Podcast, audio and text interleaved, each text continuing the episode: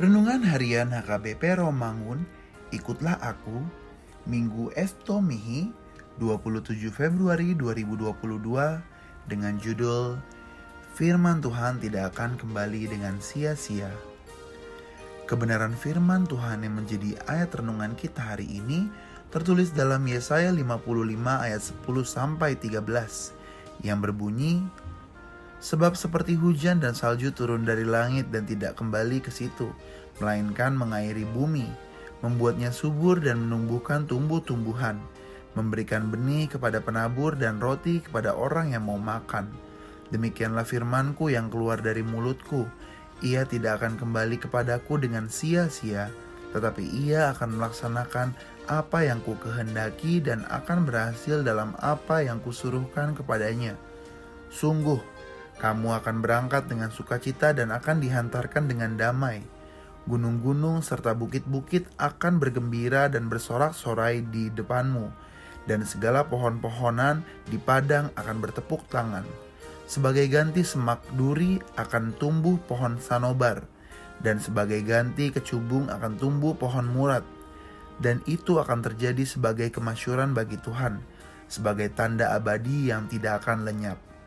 Demikian firman Tuhan. Nabi Yesaya mengatakan firman yang ditaburkan seperti hujan turun ke bumi dan membasahi tanah. Sepintas orang akan melihat air itu jatuh, mengalir dan kembali menguap. Proses ini nampaknya seperti siklus biasa dan tak berdampak apa-apa.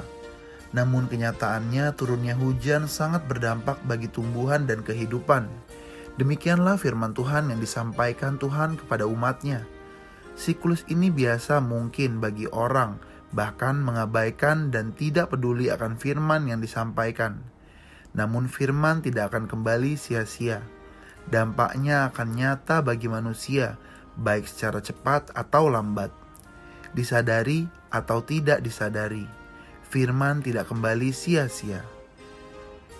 Bisa kita lihat dampak lingkaran yang sangat banyak di balik turunnya hujan sebagaimana disampaikan Yesaya ini. Hujan yang turun memberikan kehidupan bagi tumbuhan, namun bukan saja itu dampaknya sampai menyediakan roti bagi orang. Firman Tuhan yang disampaikan para nabi biasanya berisi janji Allah, kehendak Allah, perintah dan larangan serta pesan yang harus dilakukan oleh umat Allah. Firman adalah kebenaran dan berisikan perintah Allah. Firman tidak akan kembali sia-sia janji Tuhan akan keselamatan umat. Rancangan Tuhan adalah rancangan damai sejahtera dan kemakmuran umatnya. Kesedihan akan digantikan dengan sukacita.